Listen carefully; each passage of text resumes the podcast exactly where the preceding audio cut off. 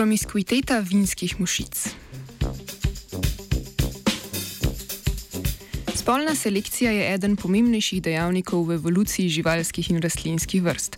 Razmnoževanje ima lahko na predstavnike različnih spolov negativno ali pozitivne negativne ali pozitivne učinke. V nedavno objavljeni raziskavi v reviji PNAS je mednarodna skupina raziskovalcev in raziskovalk to pokazala tudi na praktičnem primeru vinske mušice.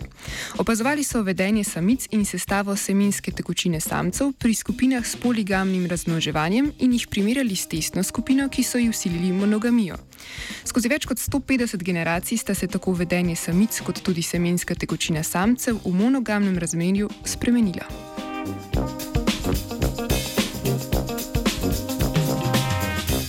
Za uspešno spolno razmnoževanje je potrebna investicija strani obeh spolov. Pogosto pa ima ta investicija škodljive učinke na splošno preživetje predstavnika enega ali drugega spola. V primeru vinske mušice imajo proteini v semenski tekočini samca številne učinke na vedenje samice po oploditvi. Sprožijo zorenje spolnih celic, ovulacijo, vplivajo na shranjevanje sperme v spermateki samice in podobno. Poleg pozitivnih pa imajo tudi negativne učinke, kot so krajšanje življenjske dobe samic, začasna neplodnost po oploditvi in prehitro izleganje oplojenih jajčec.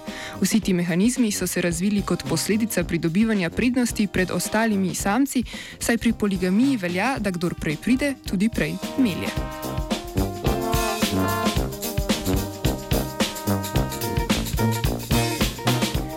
Nadzorovanem poskusu evolucije v živo so v laboratoriju za obdobje 150 generacij ločevali samce in samice ter jim omogočili parjenje v monogamnem okolju.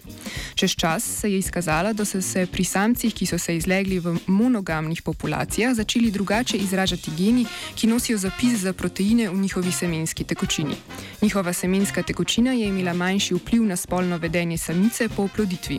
Samice iz poligamne populacije so po oploditvi začele intenzivno iskati hrano in kopičiti zaloge za številen zarod oziroma zarod.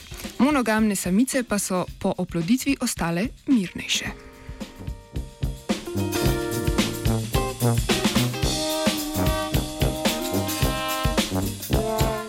Drugačno vedenje samic pa se je potrdilo tudi z analizo izražanja njihovih genov. Proteini samcev vplivajo tako na izražanje genov v področju glave samic, kot tudi v področju njihovega abdomna, kjer zorijo spolne celice. S tem so potrdili, da proteini semenske tekočine samcev ne usmirjajo le razvoja spolnih celic, pač pa imajo neposredni vpliv tudi na njihovo vedenje. Oba mehanizma pa sta se oblikovala kot posledica od davno trajajočega konflikta razmnoževanja.